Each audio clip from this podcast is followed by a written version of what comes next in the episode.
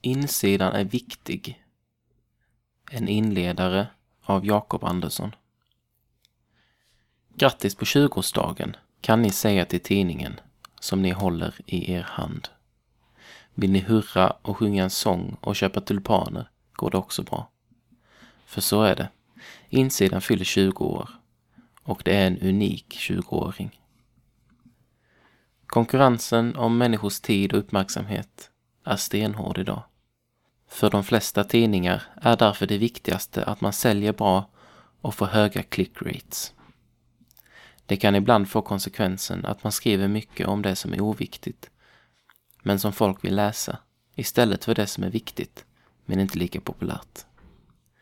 Det är ett problem inom journalistiken. Ingen tidning utan personal, ingen personal utan pengar, inga pengar utan klick och försäljning. Inga klick utan att skriva om det som folk gillar eller lockas av. Problemet är bara att vi lever i en tid som på många sätt gjort det viktiga oviktigt och det oviktiga viktigt. Det är viktigare att något känns bra än att det är sant. Viktigare att något är gött än att det är rätt. Viktigare att uppleva njutning och lycka än att bry sig om vad som händer efter döden. Viktigare att ha status bland människor än att ha frid i sin själ och så vidare.